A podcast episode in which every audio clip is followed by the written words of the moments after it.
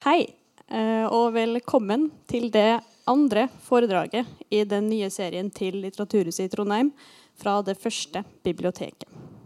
Ved åpninga av Litteraturhuset i eh, Trondheim i 2016 så arva Litteraturhuset ei boksamling etter Trondheims arbeiderforening. Og det her er ei boksamling bestående av i hovedsak norske forfattere fra rundt århundreskiftet 1900.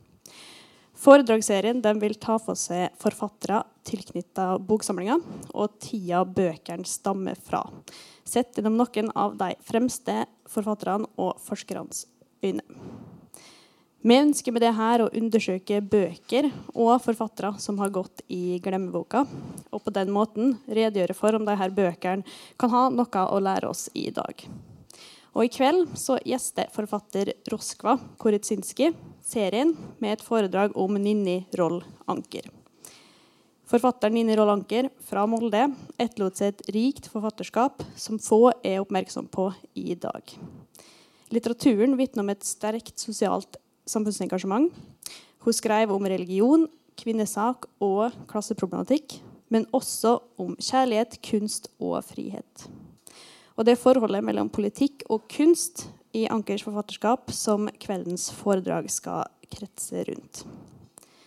Eh, ja, før jeg gir ordet videre til Koritsinski, så vil jeg bare informere om at det vil bli tatt opptak av kveldens arrangement til Litteraturhuset sin podkastserie. Og at Selandrå de holder åpent til klokka 11, så det er bare å bli sittende etter arrangementet. Ta godt imot Roskva Koritsinski.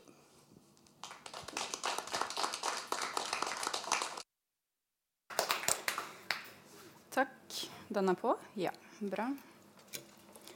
Jeg bare setter meg ned med en gang, for det føles veldig trygt. Ok. Men hvorfor skriver de om det, og bare om det, og alltid om det, hvis det ikke er?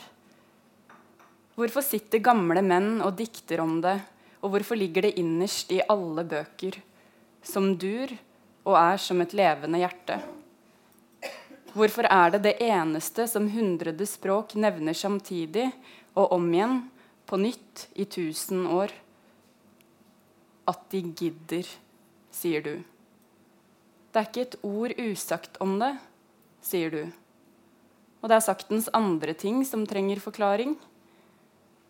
Og du gir meg bøker om samfunnsspørsmål og et skuespill om handelsmoral. Det er da endelig en bok, sier du.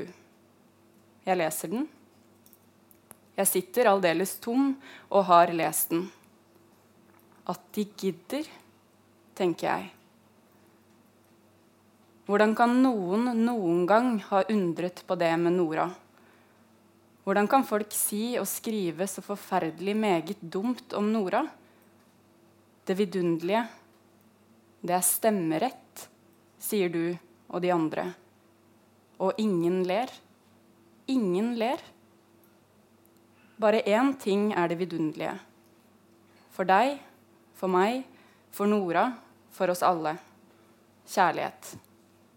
En stor, en stor som gjør oss til verden. Dette står det i Ninni Roll Ankers gjennombruddsroman 'Benedicte Stendal' fra 1909. Besynderlig kanskje for en forfatter som gjennom hele sitt liv engasjerte seg i nettopp samfunnsspørsmål. Som godseierfrue på Rød i Halden grunnla Ninni Roll Anker en forening for fabrikkarbeidersker. Hun jobbet for å bedre rettigheter for ugifte mødre og skrev ofte debattinnlegg om kvinnesak og arbeiderspørsmål i avisen. Hun var fagforeningsperson og leder for Forfatterforeningens litterære råd i flere år. Og hun var en av de få som våget å skille seg allerede i 1907 fordi hun ønsket seg et annet, friere, mer selvstendig liv enn det hun fikk som vertinne på herregården. Som datter av en jurist og stortingspolitiker, og senere som inngiftet i Anker-familien, en av datidens rikeste familier, var hun både belest og bereist. Hun ble kalt hoffkommunist da hun kom fra overklassen, men stemte Venstre og ellers var ganske radikal sett med datidens øyne. Hun var pasifist på sin hals og mente at krig og vold aldri, uansett omstendigheter, kunne forsvares. Hun hadde dyp respekt og sympati for fattigfolk og for arbeidere, og skrev flere romaner som skildret deres liv og virke, et liv hun egentlig ikke kjente til. I brevene som hun sendte til venner og familie fra reisene sine på slutten av 1800-tallet og begynnelsen av 1900-tallet, kommer det fram at hun tok sterk avstand fra antisemittismen som hun møtte ansikt til ansikt i Europa allerede da. Hun var kort sagt det vi i dag vil kalle en samfunnsbevisst eller politisk forfatter. Og I kveld så skal jeg ta utgangspunkt i to av Roll Ankers romaner. 'Benedicte Stendal' fra 1909 og 'Kvinnen og den svarte fuglen' fra 1945. For å prøve å si noe om nettopp forbindelsen mellom kjærlighet og samfunnsbevissthet i Ninni Roll-Ankers forfatterskap. Ebba Haslund skriver i etterordet til nyutgivelsen av 'Kvinnen og den svarte fuglen' at etter Ninni Roll-Ankers syn skulle kjærligheten være det overordnede prinsipp både for samfunnet og den enkelte. Dette er en holdning som kommer til syne både i romaner, brev, skuespill og debattinnlegg som hun skrev. Det meste tyder på at Ninni Roll Anker virkelig trodde på kjærligheten med alt det innebærer. Først som en legende, forsonende kraft i kjernefamilien. Senere som nødvendig motgift mot en kultur og et samfunn i krise. Romanene som jeg skal snakke mest om, er skrevet i hver sin ende av forfatterskapet. Og det forfatterskapet er stort og sammensatt. Benedicte Stendal var, var Roll Ankers andre roman og kom ut da hun var 36 år gammel. 'Kvinnen og den svarte fuglen' var hennes siste bok og kom ut posthumt i 1945. 35 år og to verdenskriger skiller disse bøkene. Førstnevnte bok ble skrevet mens hun strevde med å bevare kjærligheten til ektemannen, og til slutt valgte å skille seg fra ham for å gifte seg med det som kanskje var hennes sjelevenn Johan Anker, skandaløst nok fetteren til eksmannen. Da hun skrev 'Kvinnen og den sorte fuglen', var Johan død. Andre verdenskrig hadde brutt ut, og hun var nesten lenket til sengen pga. sykdom. De ulike livssituasjonene og det store tidsspennet til tross finnes det noen likheter mellom Benedicte Stendal og 'Kvinnen og den sorte fuglen'. Begge er såkalt dagboksromaner, hvor vi kommer tett inn på hovedpersonens tanker og følelsesliv. Den første boka er ført i pennen av Benedicte, en ugift og barnløs kvinne på noen og 30 som lever sammen med broren sin Markus etter at begge foreldrene har dødd. De lever et rolig liv preget av romanlesing, skriving og studier fram til Ulrik dukker opp. Benedicte forelsker seg i Ulrik, men føler at familien hun har vokst opp i, og ikke minst de sosiale kodene som preget hennes samfunnsklasse, forhindrer henne i å elske sterkt og rent og modig. Boka består av tre deler. Den første er Benediktes dagbok fra den tiden hun møter Ulrik. Den andre er en beskrivelse av oppveksten i en by som ligner bemerkelsesverdig på Molde, som er byen som Roald Anker selv er fra. Og den tredje er et utdrag fra dagboken hun skrev som ung jente. Leseren får vite at Benedicte akter å gi Ulrik alle disse tekstene for å vise ham det hun ikke klarer å vise ham ansikt til ansikt, nemlig hvem hun er. Benedicte Stendal er en håpefull bok det er det dysfunksjonelle forholdet mellom Benedictes foreldre, faren som er rigid, militant, men også pålitelig, og moren som er drømmende, leken, men også uforutsigbar, har vært med på å forme hva Benedicte tenker og føler om kjærligheten. Gjennom dagbokskrivingen forsøker hun kanskje å frigjøre seg selv fra foreldrene. Ikke gjennom å dømme dem eller opphøye dem, slik hun har gjort fra barndommen av, men gjennom å forsøke å forstå dem og se dem så rent som mulig, slik hun også vil at Ulrik skal se henne. Mellom linjene antyder romanen at kjærligheten mellom mann og kvinne kan være dypt frigjørende, men at den krever hardt arbeid. Man må våge å se seg selv og se den andre uten å låse seg fast i ideer om hvem man kunne ønske at man var. Romanen har en åpen slutt. Det ble for øvrig sterkt, kritis sterkt kritisert. Eh, folk ventet på en oppfølger som aldri kom, og som hun mest sannsynlig heller aldri aktet å skrive. Eh, og vi får ikke vite hvordan det går med Benedicte og Ulrik. Men vi aner at det fins et potensial i forholdet for det som Simone de Beauvoir senere kalte autentisk eller likeverdig kjærlighet. 'Kvinnen og den svarte fuglen' er på sin side en dagboksroman om en kvinne, Beth, som sitter i fengsel. Beth reflekterer over hva livet ble når alt kom til alt. Det er et ganske dystert oppgjør. I begge romanene reflekteres det eksplisitt omkring hva det vil si å være en person, om hvordan oppvekst og sosial bakgrunn, normer, politikk og religion setter rammene for hva et menneske, og da særlig en kvinne, opplever at hun kan være. Hva slags liv og virkelighet som er mulig. Og i disse spørsmålene står kjærligheten helt sentralt og kan være et svar. Som ung kvinne tok Ninni Roll Anker avstand fra barnetroen fordi hun følte at Kirken misbrukte sin makt og ikke forvaltet nestekjærlighetsbudet på en skikkelig måte. Biografien 'En kvinne i tiden', som kom ut i 2000, skrevet av Jo og Tordis Ørjasæter, inneholder mange av Ninni Roll Ankers brev og dagboksnotater. Her vises det at nestekjærlighet og omsorg sto helt sentralt også i privatlivet hennes. Store forfattere som Bjørnstjerne Bjørnson og Sigrid Undset var nære venner. Mange kollegaer brukte Ninni som leser av manuskriptene sine. De stolte på tilbakemeldingene hennes, at de var ærlige og grundige og ettertenksomme. Som den eldste av fire søstre var hun den som sørget for å ordne opp hvis noe rammet de yngre søstrene. Og i skrivingen var hun som sagt åpenbart opptatt av spørsmålet om hva kjærlighet og omsorg kunne, skulle og burde brukes til.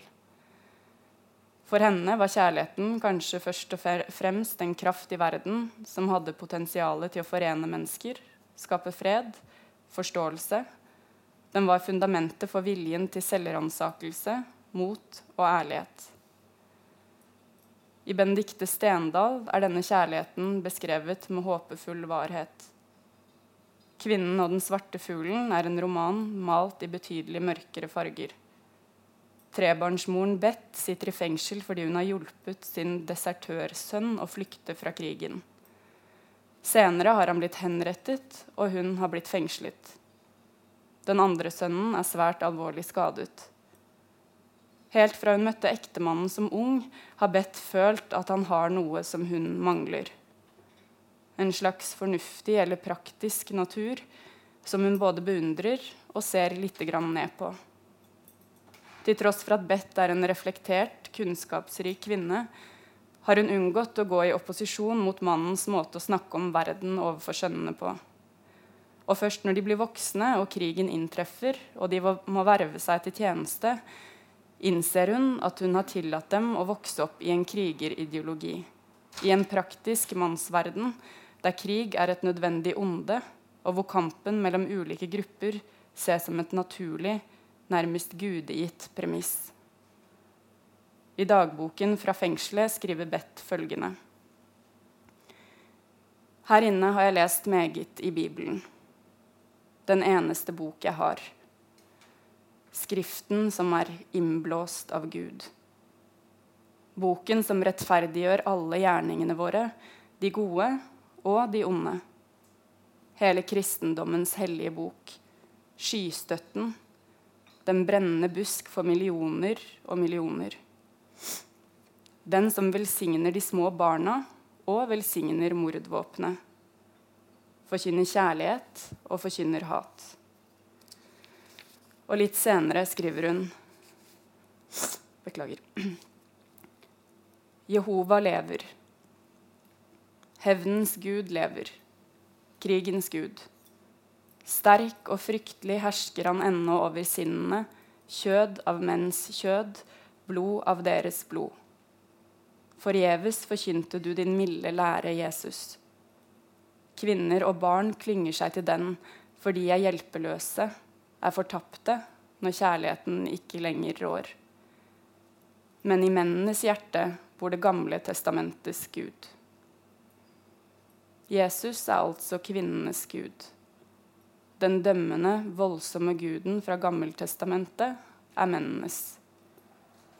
I likhet med Sigrid Undset var Ninni Roll Anker en kvinnesakskvinne, men ikke nødvendigvis en feminist, sånn som vi forstår begrepet. Hun mente at den moderne feminismen ikke tok høyde for forskjellene mellom kvinner og menn, og at de forsøkte å gjøre kvinner til menn framfor å akte og ære kvinnen for de egenskapene hun hadde fra naturens side. Evnen til omsorg, moderskap, en lidenskapelig natur, en sans for skjønnhet. Det betyr ikke dermed at hun mente at kvinner ikke hadde noe i samfunnslivet å gjøre. Hun var selv i aller høyeste grad et samfunnsmenneske og skilte seg jo nettopp fordi hun følte at hun kastet bort livet sitt på herregården når hun egentlig ville skrive.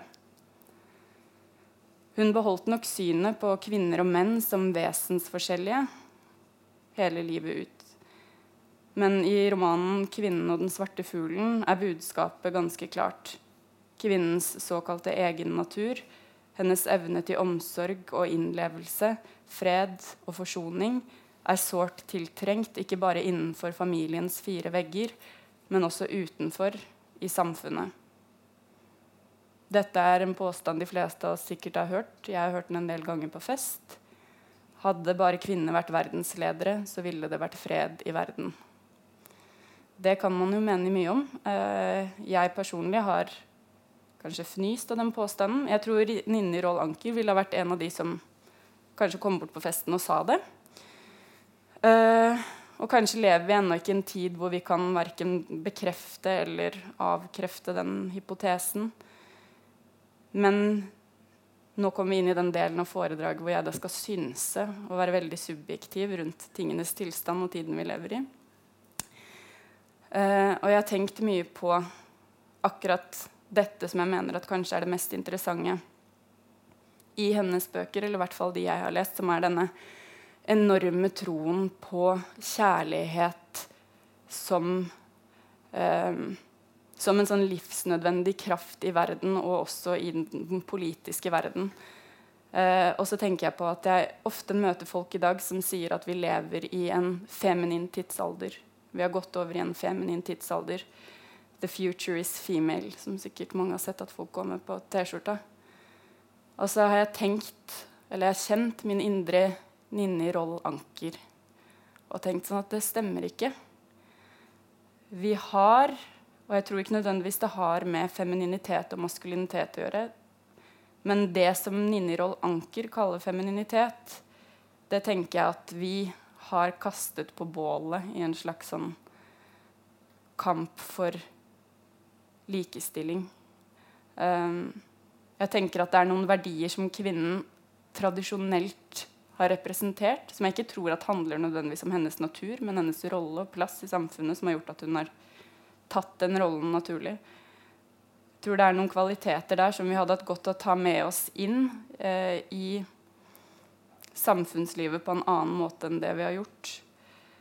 Eh, filosofen Hanna Arendt har definert ondskap som det å slutte å tenke etter. Og så sier hun videre at hva betyr det å tenke etter?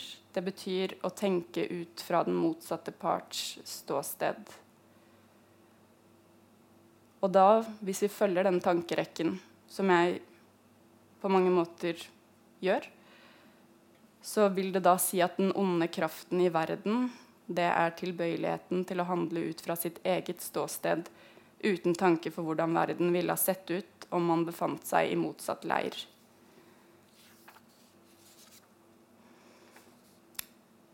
Og da kan vi vel kanskje slutte at verden i dag er full av onde krefter.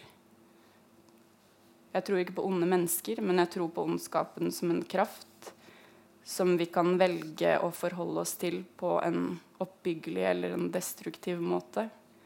kan velge å anerkjenne at den er der, eller erkjenne at den er der, eller vi kan fortrenge den. Og jeg tror ikke det er onde krefter i verden fordi det er mennene som styrer, men fordi vi som samfunn og som verdenssamfunn tillater oss å segregere oss mer og mer. Og når vi snakker om dette, så snakker vi gjerne om homofobi, om rasisme, om bevegelser eller ideologier som helt åpenbart er fundert i en tanke om at meg og mitt ståsted er det riktige. Men jeg tenker at også venstresiden, de som tradisjonelt har stått for de myke verdiene, også har tillatt en del onde eller destruktive krefter å ta plass. Eh, på den måten at man f.eks. Eh, vet ikke om dere kjenner til den no platforming-debatten, men jeg tenker at den også er et bilde på det. At istedenfor å forholde oss åpent til stemmer og meninger vi ikke støtter, istedenfor å lytte til dem og argumentere mot dem, så har det blitt en større og større kultur for å si at nei, disse stemmene har vi ikke rom for og plass til i samfunnet vårt. Og det er selvfølgelig en reaksjon på noe man opplever som ondskap. Men jeg tror at man da viderefører ondskapen istedenfor å bekjempe den. Og jeg tror at kanskje det har noe med det Ninni Roll Anker snakker om når hun sier at vold aldri, uavhengig av omstendigheter, kan forsvares. Da tror jeg ikke hun bare snakker om den fysiske volden. Jeg tror også hun snakker om volden som hva den er og representerer, nemlig en aggressiv holdning mot den andre. Grunnlagt en idé om at man må forsvare seg selv. Uh, og akkurat det Jesus-idealet, det tenker jeg at er enormt viktig, uavhengig om man tror på Jesus eller ikke. Og da jeg skulle forberede meg til dette foredraget, så var et av spørsmålene jeg fikk, hva kan vi lære av Ninni Roll Anker? Og jeg tenker at det er en av tingene vi kan lære. At hun selv, mens en verdenskrig pågår, eh, og Norge er okkupert, så skriver hun en roman hvor budskapet er at det aldri på noe som helst tidspunkt er greit å forenkle synet sitt på verden eller gjøre følelsene sine harde, eller tro at man, fordi man har noe å forsvare, dermed har rett til å utøve vold mot noen andre. Og det kan høres naivt ut. Og jeg tror kanskje vi trenger litt mer av den type naivitet, for jeg tror den kommer fra et veldig rent sted som jeg også tror at veldig mye visdom som vi ikke lenger vil forholde oss til, eller som det er lett å avskrive eller kimse av. Jeg tror mye av den visdommen virker banal, virker enkel, fordi den kommer fra et rent sted som vi ikke som kultur og som samfunn har spesielt mye kontakt med lenger. Uh, I fare for å være litt sånn vekkelsespredikant, som jeg jo innser at det har blitt. Skal vi se, det var teksten. Uh, jeg hadde uh, Ja. Jo, jeg har også et notat her. Eh, jeg bare fortsetter å synse litt, jeg, for det var egentlig litt morsommere enn å bare lese. Eh, for noen måneder siden så, så jeg en dokumentar som kanskje noen av dere har sett. Eh, jeg husker ikke om den lå på NRK eller om det var Netflix, men den heter i hvert fall Wild Wild Country. Og handler om en sekt eh, på 80-tallet som ble veldig stor som hadde en slags eh, guru, en indisk eh, mann, og senere en dame som var leder for denne sekten. Og de ville jo som de fleste sekter egentlig bare det beste for alle. i utgangspunktet. Altså De tror de har forstått hvordan å leve et lykkelig, harmonisk liv. Uh, og de vil gjerne dele da de gode nyhetene, som det heter. Um, men ender selvfølgelig opp med å bli uh, fanatiske, voldelige, harde uh, i begrepets rette forstand.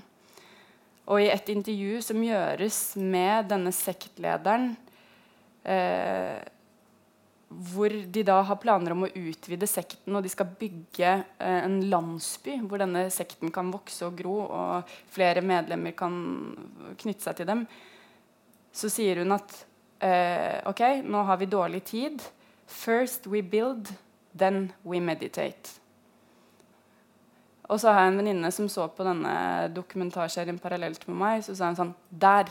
Den setningen oppsummerer hvorfor så mange politiske og religiøse bevegelser som egentlig fundamentalt bare vil det gode, ender opp på et destruktivt eller ondt sted. Det er fordi at man er så utålmodig med å handle at man glemmer ettertanken. Og man glemmer å sitte stille og kjenne etter hva er det vi er i ferd med å gjøre. Um, og det tenker jeg at også er en setning som sier i hvert fall for meg føler jeg at den sier mye om akkurat den tiden vi lever i. At det er en sånn rastløshet både overfor f.eks.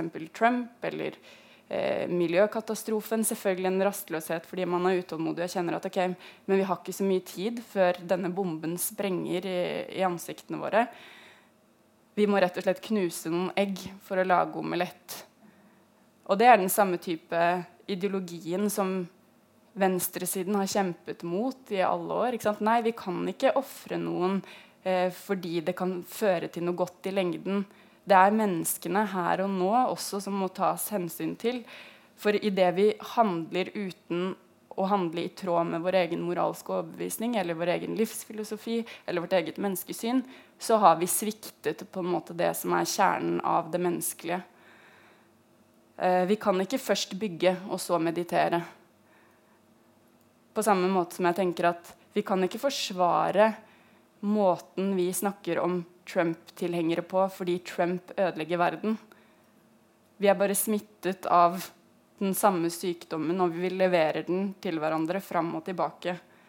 Og jeg synes også Det er påtagelig at veldig mange av de menneskene som har gjort den største politiske nytten i verden, er dypt pasifistiske eh, fredsmennesker Um, og at vi glemmer det. Da.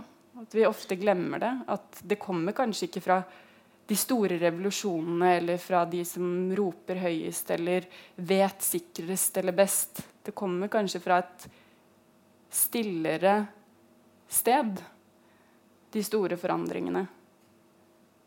Og jeg vet ikke om det er det Ninni Rollanker prøver å si, men jeg føler at hun, det er det hun sier til meg. Uh, og jeg kjenner at jeg trenger å høre det som en påminnelse. Ja.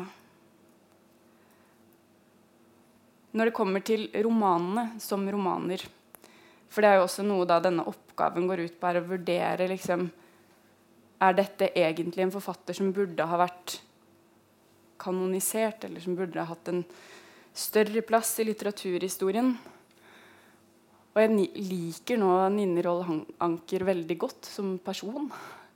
Men jeg eh, er litt usikker på om jeg mener at hun fortjener en større plass i litteraturhistorien enn det hun har fått.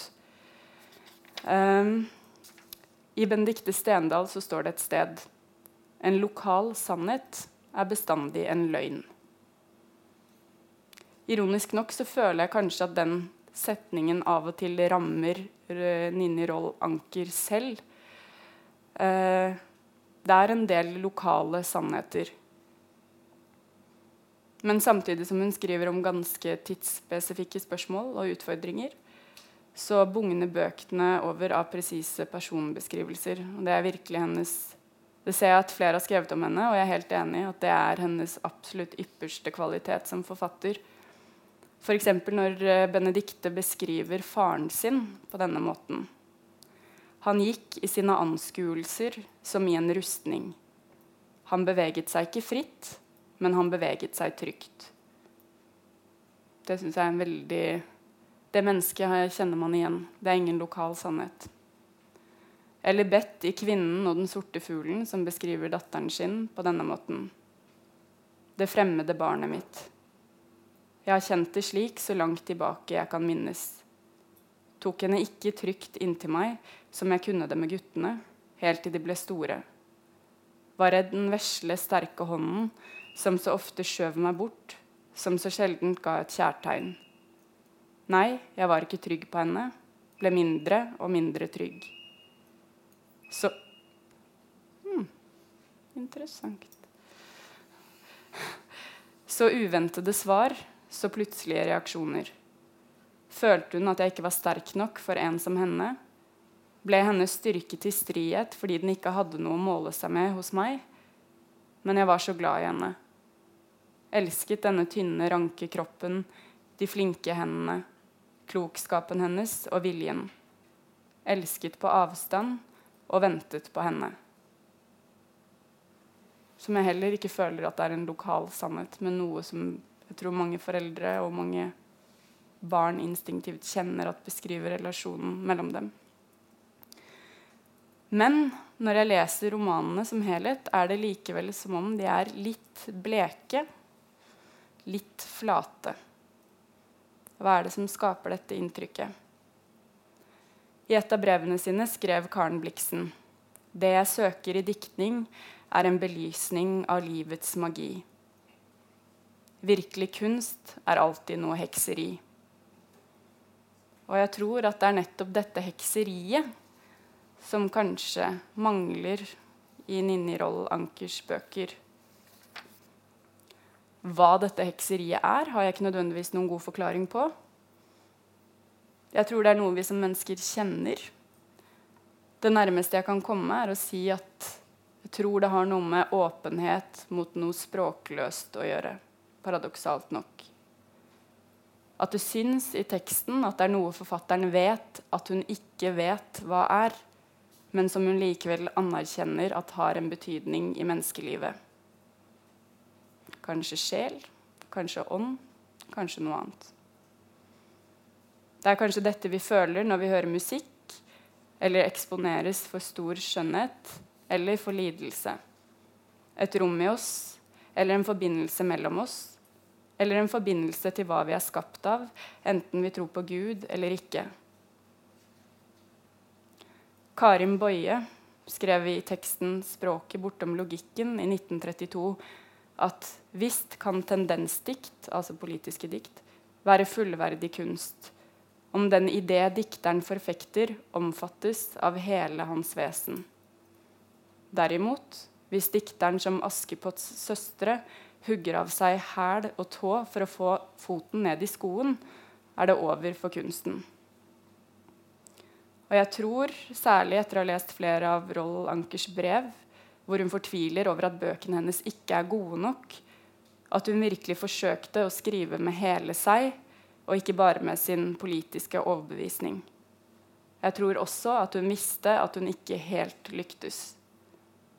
Hun ville og trodde på det gode. Dette gjorde henne til et viktig samfunnsmenneske, en uvurderlig kollega, venn og søster. Men kanskje var det også dette som gjorde at hun ble en god, men ikke enestående forfatter. Kanskje var hun litt redd for det tarvelige, for ondskapen som en kraft i verden som også iblant må ha strømmet gjennom hennes kropp og hennes tanker. Hun var fullstendig klar over den borgerlige oppdragelsen og hva den hadde gjort med henne, men kanskje ble hun aldri helt fri fra sine egne idealer. Simone de Beauvoir har sagt at for å lage virkelig stor kunst må man miste seg selv. Men for å miste seg selv må man være helt sikker på at man har funnet seg selv først. Flere dagboksnotater og brev antyder at Ninni Roll Anker ble redd og skamfull i møte med sine egne dårlige sider. Biografene hennes påpeker i et intervju at det er som om de private dagbøkene hennes er skrevet med bevissthet om at de en gang skal bli lest. Og denne tonen, eller denne holdningen, fins også i bøkene. Kanskje var Roll Anker redd for at det gode i henne, troen på det snille, var så skjør at hvis hun begynte å pirke i den, tvile på den, så ville den forvitre. Kanskje går jeg altfor langt i en eller annen psykologisering. Uansett tror jeg at all virkelig stor litteratur har til felles at den paradoksalt nok som sagt, berører noe språkløst i oss. Kall det sjelen, eller kall det noe annet. Et sannere sted enn det vi har språk for. Og at det kanskje er i berøring med dette stedet at de virkelig store omveltningene i oss og rundt oss kan skje. Eller kanskje er sånne folk som meg grunnen til at man sier at forfattere aldri bør beskjeftige seg med politikk. Jeg vet ikke. Takk.